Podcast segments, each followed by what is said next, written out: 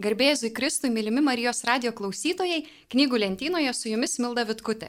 Netrukus švesime sėkmines ir kviesdami joms pasiruošti, Katalikų pasaulio leidiniai išleido arkivyskopo Luis Marija Martinės knygą Šventoji dvasia. Šiandien jungiame su Roma, kurioje teologijos mokslus kremta kunigas Andrius Končius.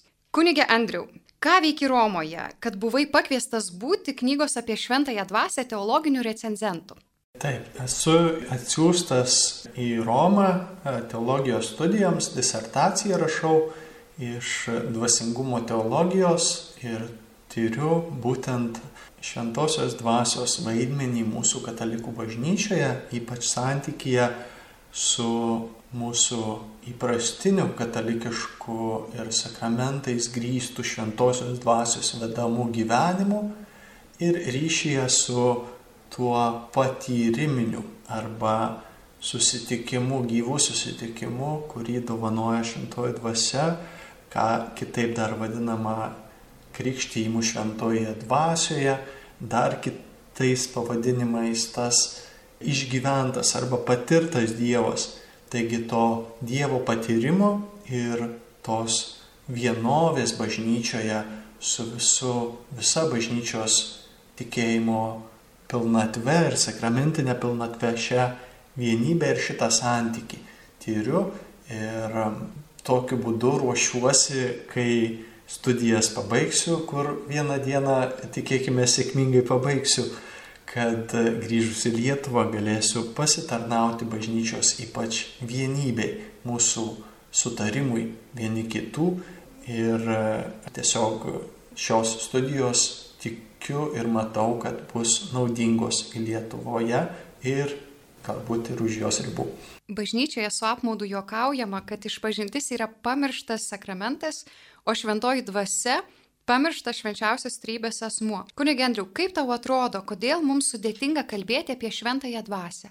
Tai šventoji dvasia, apie ją kalbėti, na, yra turbūt komplikuočiausia katalikų bažnyčioje, mums žmogiškai suprantant. Ne, jeigu Dievas yra trejybė, trijose asmenyse vienas Dievas, tai kalbėti apie Dievą tėvą mums yra suprantama, nes mes turime, na, žemiškųjų tėvų pavyzdį, kurie rūpinasi savo vaikais ir ir suvokiame, kaip Dievas tėvas yra mumis besirūpinantis tėvas. Dar geriau pažįstame ir suprantame Jėzų Kristų, kuris mums tėvą apreiškia ir ryšį su juo.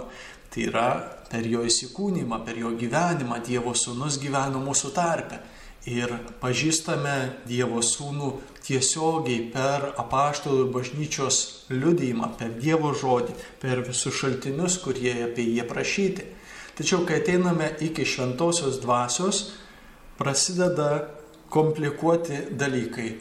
Tai šventoji dvasia sėkminių dienoje girdi, matome, kad nužengia vėjų ateina, tada ugnies liežuviais virsa paštalų, Jėzui įbridus į Jordaną, jie tarsi balandis nusileidžia ant jo, kitą kartą Jėzus kalba apie šventąją dvasę kaip apie gyvą į vandenį, kuris liejasi iš mūsų širdžių. Taigi mums ją apčiuopti arba suprasti nėra taip paprasta, nes atrodo ji pas, pasireiškia įvairiausiais būdais ir nėra tokia apčiuopiama, yra toks dinamiškas ir ne, ne, pa, ne iki galo neįforminamas, kokia ji yra asmuo, tarsi visą persmelkiantis ir visa, visoje būtie esanti, visą vedanti, visų kuo mus globojanti. Ir todėl švent, kalbėti apie šventą dvasę yra bažnyčioje, na, turbūt sunkiausia mums žmogiškai suprantama. Ir todėl žmonės apie ją, na, bažnyčioje galbūt ir primiršta. Istoriškai situacija 18-19 amžiuje, kada buvo bažnyčios kontrareformacijos, reformacijos ir kontrareformacijos iššūkiai, tai iš šito konteksto į 20 amžių atėjome, kada yra jau atsinaujinimas šito ryšio su šventąją dvasia arba pneumatologinio dvasingumo, jeigu tai pasakyti teologiškai. Tai reiškia, kad to, tos maldos, kuri būtų tiesiogiai atsiduodant šventai dvasiai, tam ir šią knygą parašė šitas autorius. Tačiau praktiniu atžvilgiu mūsų tokiame, na, katalikiškame, sakykime, taip įprastame tikėjimo kelyje, labai dažnai gali nutikti, kad mes pakrikštytieji, kurie krikštų kiekvienas gauname šventą dvasę, dar sutvirtinimu, gauname tą galę liudyti atvirai viešpati Jėzų Kristų ir charizmas ir dovanas, kurias viešpats į mus įlieja, įdeda.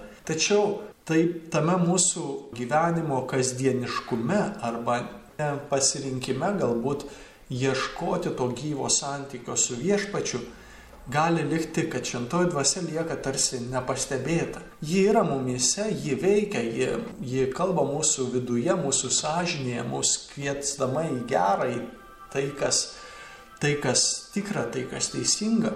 Tačiau tarsi nelieka to ryšio, to susitikimo, kaip su asmeniu, su kuriuo mes galime kalbėtis. Taip kaip maldoje kreipiamės į Jėzų, kaip kreipiamės į dangišką į tėvą, taip į šventąją dvasę kreiptis kaip į asmenį. Ir jie gali likti, na, nepastebėtas asmuo. Ir, ir daug nemažai gali būti katalikų, kurie yra kaip tie Efezo krikščionys, kurie buvo pakrikštyti Jono krikštu ir kai apaštalai pas juos atėję sako, ar tapę tikinčiais gavote šventąją dvasę, Jie sako, kad negirdėti negirdėjom, kad yra šventoji dvasia. Tai tarsi gal ir girdėjom, kad tokie yra, bet kaip mes esame ryšyje su viešpačiu šventąją dvasia, tarsi lieka, nu, mes nutolę nuo to. Taigi ši knyga yra tarsi pagalba ateiti į tą gyvą tikrą santykį su viešpačiu, kuris labiausiai nepažintas arba labiausiai nesutiktas mūsų bažnyčioje iš trijų dieviškųjų asmenų. Tad keliaukime prie knygos. Kas buvo arkivyskupas Liujis Marija Martinėsas ir kodėl jis ėmėsi knygos apie šventąją dvasę? Kuo ji mums aktuali šiandien? Knygos autorius Liujis Marija Martinės buvo Meksiko arkivyskupas. Jūs arkivyskupų tarnavo nuo 1923 iki 1000. 956, kada iškeliavo į amžinybę. Ir, ir ši knyga yra na, jo, jo parašyta su kaip to, kuris yra pats to, ką rašo gyvas liudytojas. Ir knygos įžangoje vertėja į anglų kalbą, jos yra žodis, ir ji sako, jog kaip jį pažįsta, tai pažįsta kaip patyriminį mistiką kaip tą, kuris išgyvena ryšį su viešpačiu ne tik tais, na, tokiu maldumo arba tradicijos žvilgsniu, bet kaip gyvą santyki su juo. Ir šventoji dvasia, kurią, kurią jisai pristato tokiu būdu, kuris, na, mus tarsi pakilėja ir pakilėja prie to tokio autentiškumo, to tokio tikrumo. Ir šis autorius, kuris kartu buvo ordinaras, vyskupas ir kartu žmonių vyskupas, labai arti kiekvieno žmogaus, na galima sakyti, toks iš anksto tokios antrojo Vatikano tarsi įvaizdis, nes antrojo Vatikano susirinkimu buvo siekiama pažvelgti į Jėzų, kuris ateina prie kiekvieno mūsų ir paskatinti taip pat vienas iš aspektų antrojo Vatikano, paskatinti ryšį vieni su kitais, taip pat kunigų, viskupų ryšį su visa Dievo tauta ir, ir priartinti mus vieni prie kitų. Tarsi ir taip esame vienoje bažnyčioje, bet tą ryšį, bendruomen, bendruomeniškumą paskatinti. Ir galima sakyti, kad šitas, šitas arkivyskupas yra tarsi pranašas to savo pavyzdžio, kaip tuo dvasingumu, tuo ryšiu ir gyventi. Tad tai, kad jisai yra prieš Vatikaninis, tai galima sakyti netgi labiau stebina tai, ką jisai rašo. Nors jisai rašo tokiu, sakykime, klasikiniu, klasikinės teologijos, tomo kviniečių teologijos žvilgsniu, tačiau rašo visiškai ne pagal, sakykime, taip tokią, na, kaip mes įsivaizduojam, senovinę arba viduramžių, kur tie žodžiai mums atrodo, na, kažkas, kas jau senai buvo, tai tarsi yra, na, nebe tiek mums tinkama šiandien, bet kiekvienas skaitytojas jo knygą pasiemęs atras atvirkščiai, kad tai, ką jisai kalba, yra, yra gyva, nes tai yra išnešta savo ryšyje su juo, tame, tame maldos ryšyje, kuriuo gyveno šis arkivyskupas. Man atrodo, kad ši prieš 70 metų parašyta arkivyskupo Martinėso knyga kaip tik yra liudijimas, kad mes kiek klaidingai įsivaizduojame katalikų bažnyčią iki Vatikano antrojo susirinkimo.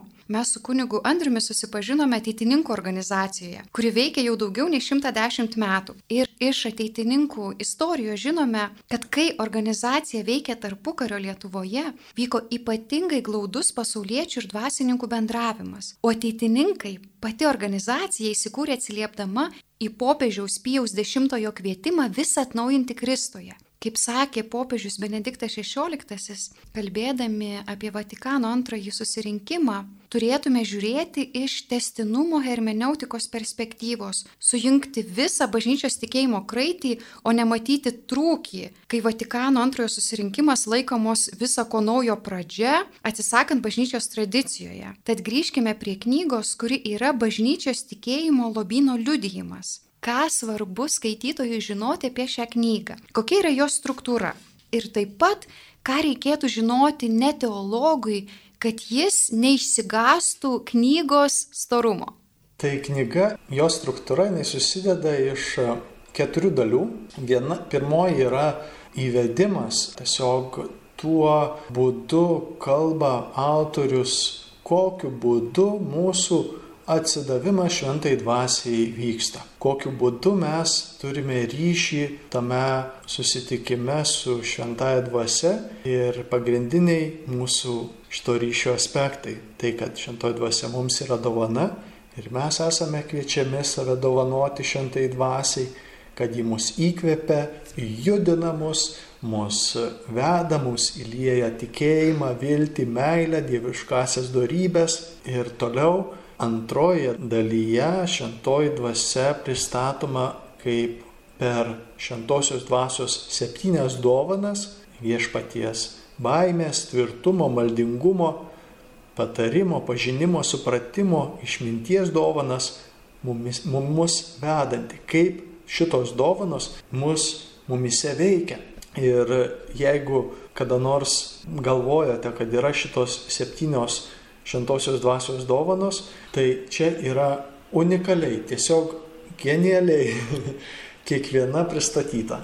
Tikrai galima iki galo suprasti, kaip kiekviena iš šitų dovanų mums praktiškai ir labai paprastai veikia mūsų gyvenime. Toliau autorius trečioje dalyje kalba apie šventosios dvasios vaisius, apie paguodas, apie kantrybę ir išmėginimus nepaguodas momentais, apie dvasinį džiaugsmą, apie tai, kad šventoji dvasia yra mūsų vedanti gerume ir romume. Ir, ir tos darybės, kurios yra mums kaip reiškiasi kaip šventosios dvasios vaisiai. Ir tada ketvirtoje dalyje šventosios dvasios dvasingumas parodomas kaip palaiminimų, aštuonių palaiminimų Jėzaus mato Evangelijos penktojo skyriaus, jų išsipildymas. Tarsi kokiu būdu praktiškai mūsų gyvenime tie Jėzaus palaiminimai, kurie yra šventosios dvasios veikimo mumise pasiekmė, išsipildo ir mūsų pasirinkimuose konkrečiuose. Tad šios keturios dalys viena kitą perdengia.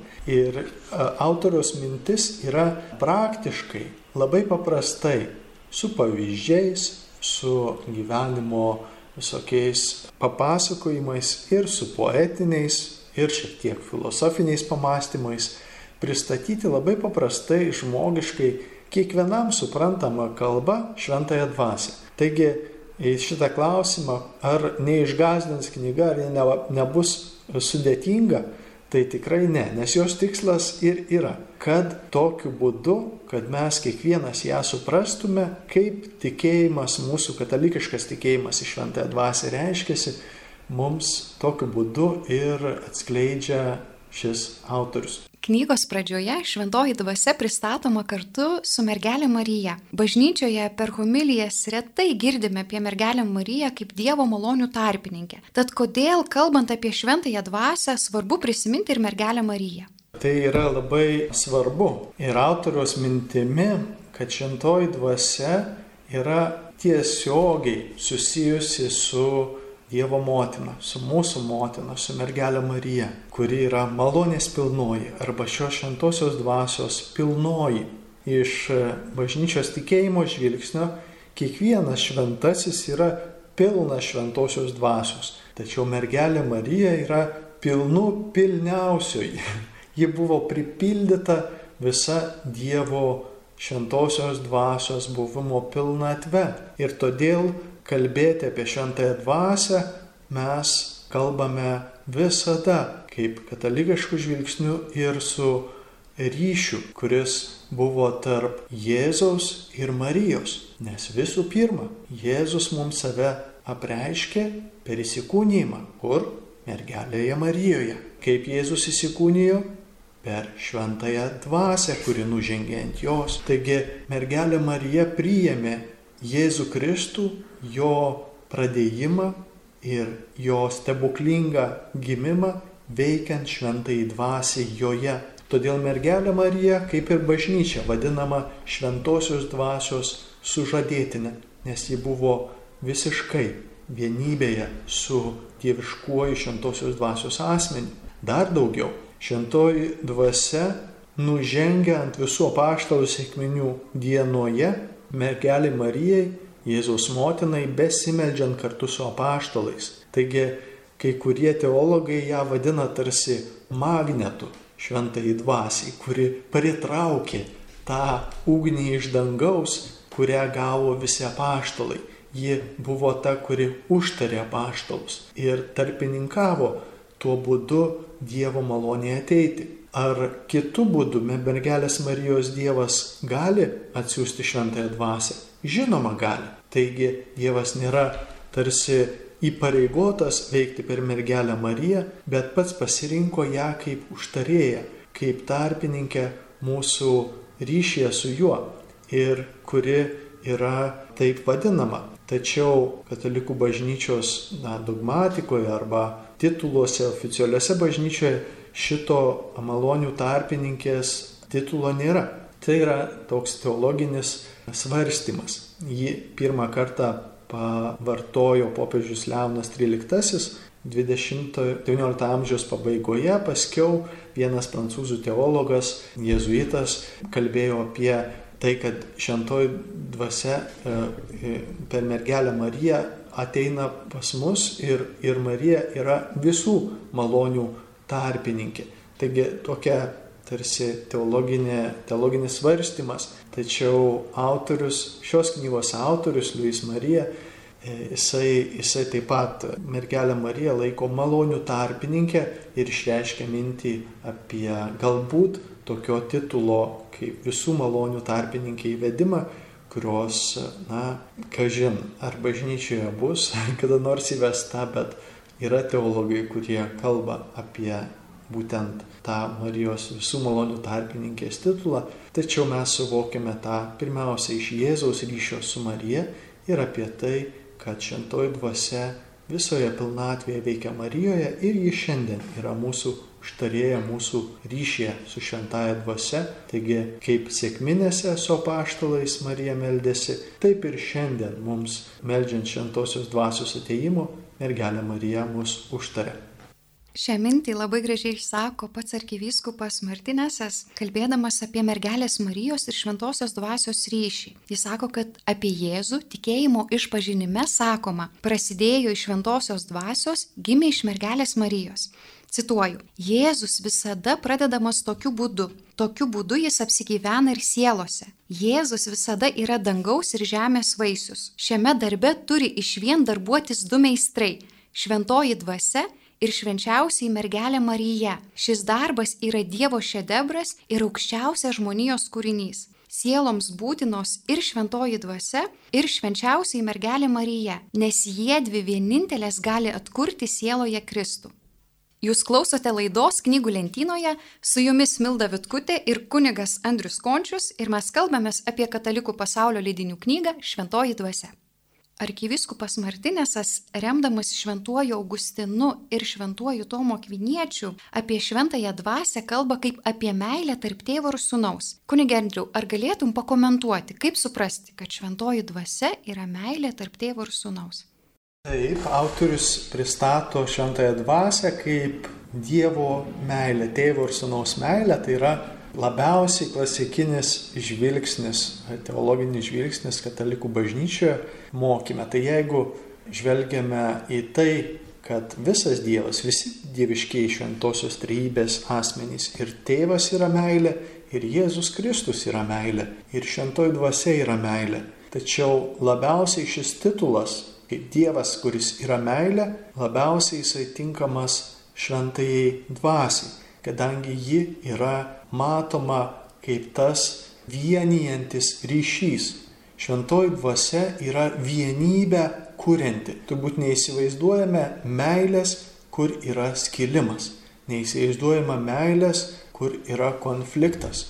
Taigi meilė yra vienijanti. Ir taip kaip šventoji dvasia savo prigimtimi, savo dieviškąją trejybėje esančių amžinuoju pašaukimu būti vienybės tarp tėvo ir sunaus, meilės vienybės ryšiu, taip tą ryšį ir tą meilės santyki šentoj dvasia ir mums išreiškia ir įlieja į mūsų širdis tą pačią dieviškąją meilės darybę, kuri mus suvienyje su Dievu, su tėvu, su Jėzumi ir taip pat vienyje su visa bažnyčia, dangaus ir žemės aptarėme knygos struktūrą, susipažinome su jos autoriumi, pakalbėjome ir apie pačią šventąją dvasę, tad dabar norėčiau tavęs paklausti, kas tave palėtė skaitant arkivyskupo Martinėso knygą. Nu, ačiū už tokį asmeninį klausimą. Iš tikrųjų atradau vieną labai pačiam nudžiuginusi ir praturtinusi supratimą apie šventą dvasę, įsigau apie ryšį su ją, kur anksčiau išgirdavau žodį ir tas pasakymas kad mes gavome šventąją dvasę arba mes turime šventąją dvasę, man atrodydavo šiek tiek toks nelegalus. Na, turime šventąją dvasę, juk negali turėti asmens, dar juo labiau dieviškojo asmens. Nu kaip gali turėti Dievą? Ne, jisai nėra pasisavinimas. Tai yra mes daugiau esame Dievo turimi arba jis turimus, negu kad jį turime mes. Ir todėl, kai kalbame apie šventą dvasę, man taip atrodydavo, kad taip sakyti yra netinkama, kad turime šventąją dvasę, greičiau šventoji dvasia gyvena mumise arba buvoja su mumis, bet mes galbūt nelabai jos turime. Tačiau autorius vėlgi praplėtė tą mintį ir teikdamas labai tiesiogiai. Čia galiu paskaityti vieną tokią eilutę. Toks yra pirmasis meilės slėpinio diemuo - turėjimas Mes turime šventąją dvasę, turime ją kaip tai, kas yra ir mūsų, ir turime jai būdingų būdų, nepanaikinamai, amžinai. Taigi autorius sako, jog mes turime šventąją dvasę, nes tokia yra meilės savybė - turėti, nesisavinti, nenorėti pasinaudoti kitu tik tai savo interesam, bet priimti. Priimti ir kartu šis turėjimas yra susijęs su atsidavimu. Visiškas atsidavimas ir visiškas prieimimas. Taigi šventoji dvasia yra mumise labiau apsigyvenanti, šitas atradimas buvo na, iš šios knygos, kad ji mumise labiau apsigyvena tada, kada mes jai visiškai ir negražinamai, ir nebe kažkaip sąlyginai, bet visiškai jai save atiduodame ir priimame ją visiškai. Ir tada šventoji dvasia yra ta, kuri pirmiausia mums atsiduoda pirmoji. Dievas visą laiką yra labiau mus mylintis, negu mes jį mylėsime arba pajėgsime mylėti. Jis pirmas mus pamilo, sako Dievo žodis. Jis mus myli dovanai ir neskaičiuodamas. Ir todėl šventoji dvasia mums save dovanoja. Dovanoja ir leidžia mums ją turėti. Nes meilė atsiduoda. Meilė yra ta, kuri save dovanoja. Galima sakyti, panaši šios meilės išraiška yra su tuoktiniu vienas kitam dovana, kurią jie pasiryšta vienas kitą mylėti nesąlygiškai, visiškai ir visiškai vienas kitam save dovanoja ir vienas kitą priima. Taigi taip pat ir ryšė su šventąją dvasia šitas atradimas, kad aš galiu turėti ir aš turiu šventąją dvasę dėl to, kad šventoji dvasia man atsiduoda. Ir aš taip pat esu kviečiamas lygiai taip pat, negražinamai, visiškai jai save, jos reikalams, save dovanoti, atsiduoti. Taigi šis atradimas, kurį, kuriuo tikrai džiaugiuosi iš šio veikalo. Man pačiai įstrigo mintis, kad šventoji dvasia yra galinga ir švelni. Kartais linkstama teikti, kad jėga yra lygų agresijai, bet juk tai netiesa. Gale ar jėga gali būti tvirta ir švelni, kaip meilės jėga. Juk krikščionis evangelizuoja meilės jėgą. Taip ir Dievas, jis nori žmonės sustiprinti, juos sutvirtinti ir tai daro su gale ir švelnumu.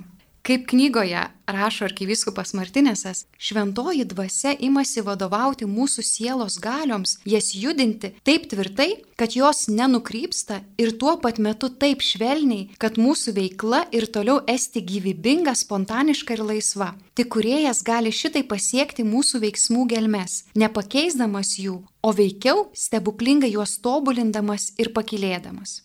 Laidos pabaigai norėčiau paklausti, kunigė Andriu, kokiam skaitytojui rekomenduotum šią knygą? Kaip trumpai apibūdintum? Taip, tai ši knyga yra dvasingumo knyga arba ryšio su Dievu. Tarsi tokia pamaldumai šventąją dvasę instrukcija, kaip praktiškai išgyventi tą ryšį savo gyvenime.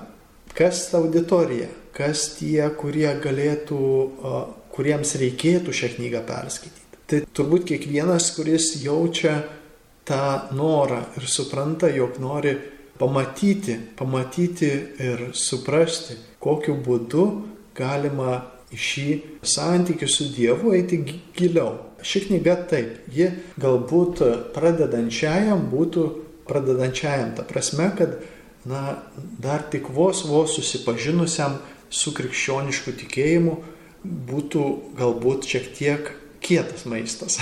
Tačiau tam, kuris jau pažįsta Jėzų Kristų, tam, kuris gyvena bažnyčios ir maldos ryšių, vienokio ar tokio, kad ir nedėlių, ši knyga yra labai gera paskata, labai geras, e, na, toks būdas, kuriuo galima pažinti tą, tą santykį. Galima sakyti, jeigu taip apibendrinant trumpai, tai yra tai, ką Karlas Raneris kalbėjo apie šio laikinį krikščionį, kad ateityje, jis sakė, krikščionis bus arba mystikas, arba jis nebus iš vis krikščionis.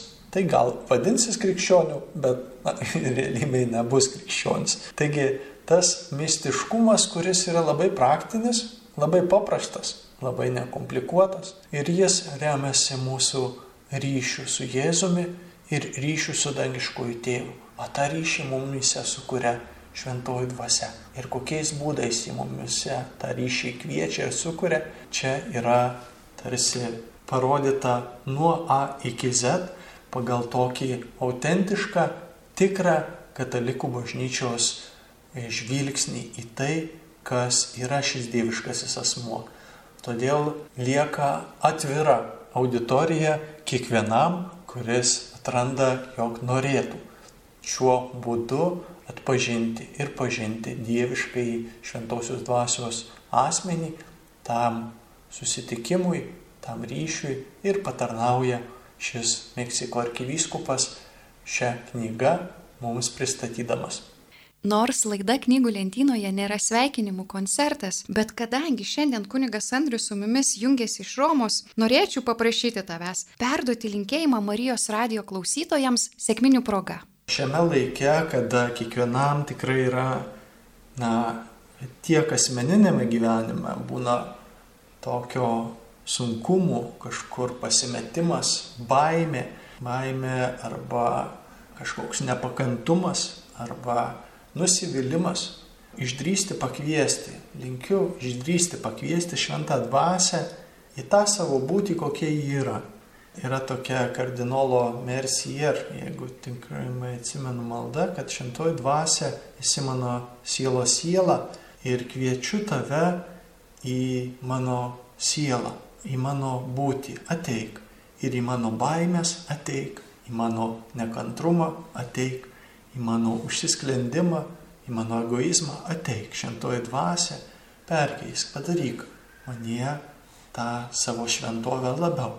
Ten, kur esu, toks, koks esu, net jeigu ir netrandu savęs kaip kažkokio dvasios galiūno, bet ateik pas mane, kokia esi, pas tokį, koks esu. Ir tiesiog tam ryšiui, tam asmeniniam paprastam ryšiui uh, su tuo, kuo gyvenu. Taigi šentoji dvasia yra ir gyvenimo, šio gyvenimo, mūsų kasdienio gyvenimo palidovė ir vedlė mus, kaip Milda sakei, labai švelniai, be jokios prievartos, labai maloningai vedanti ir globojanti.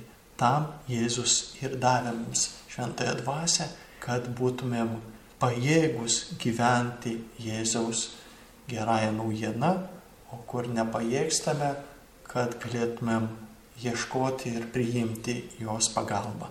Knygų lentynoje su jumis bendravo kunigas Andris Končius ir aš Milda Vitkutė. Kalbėjomės apie katalikų pasaulio leidinių knygą Šventoji dvasia, kurią parašė arkivyskupas Liujys Marija Martinezas.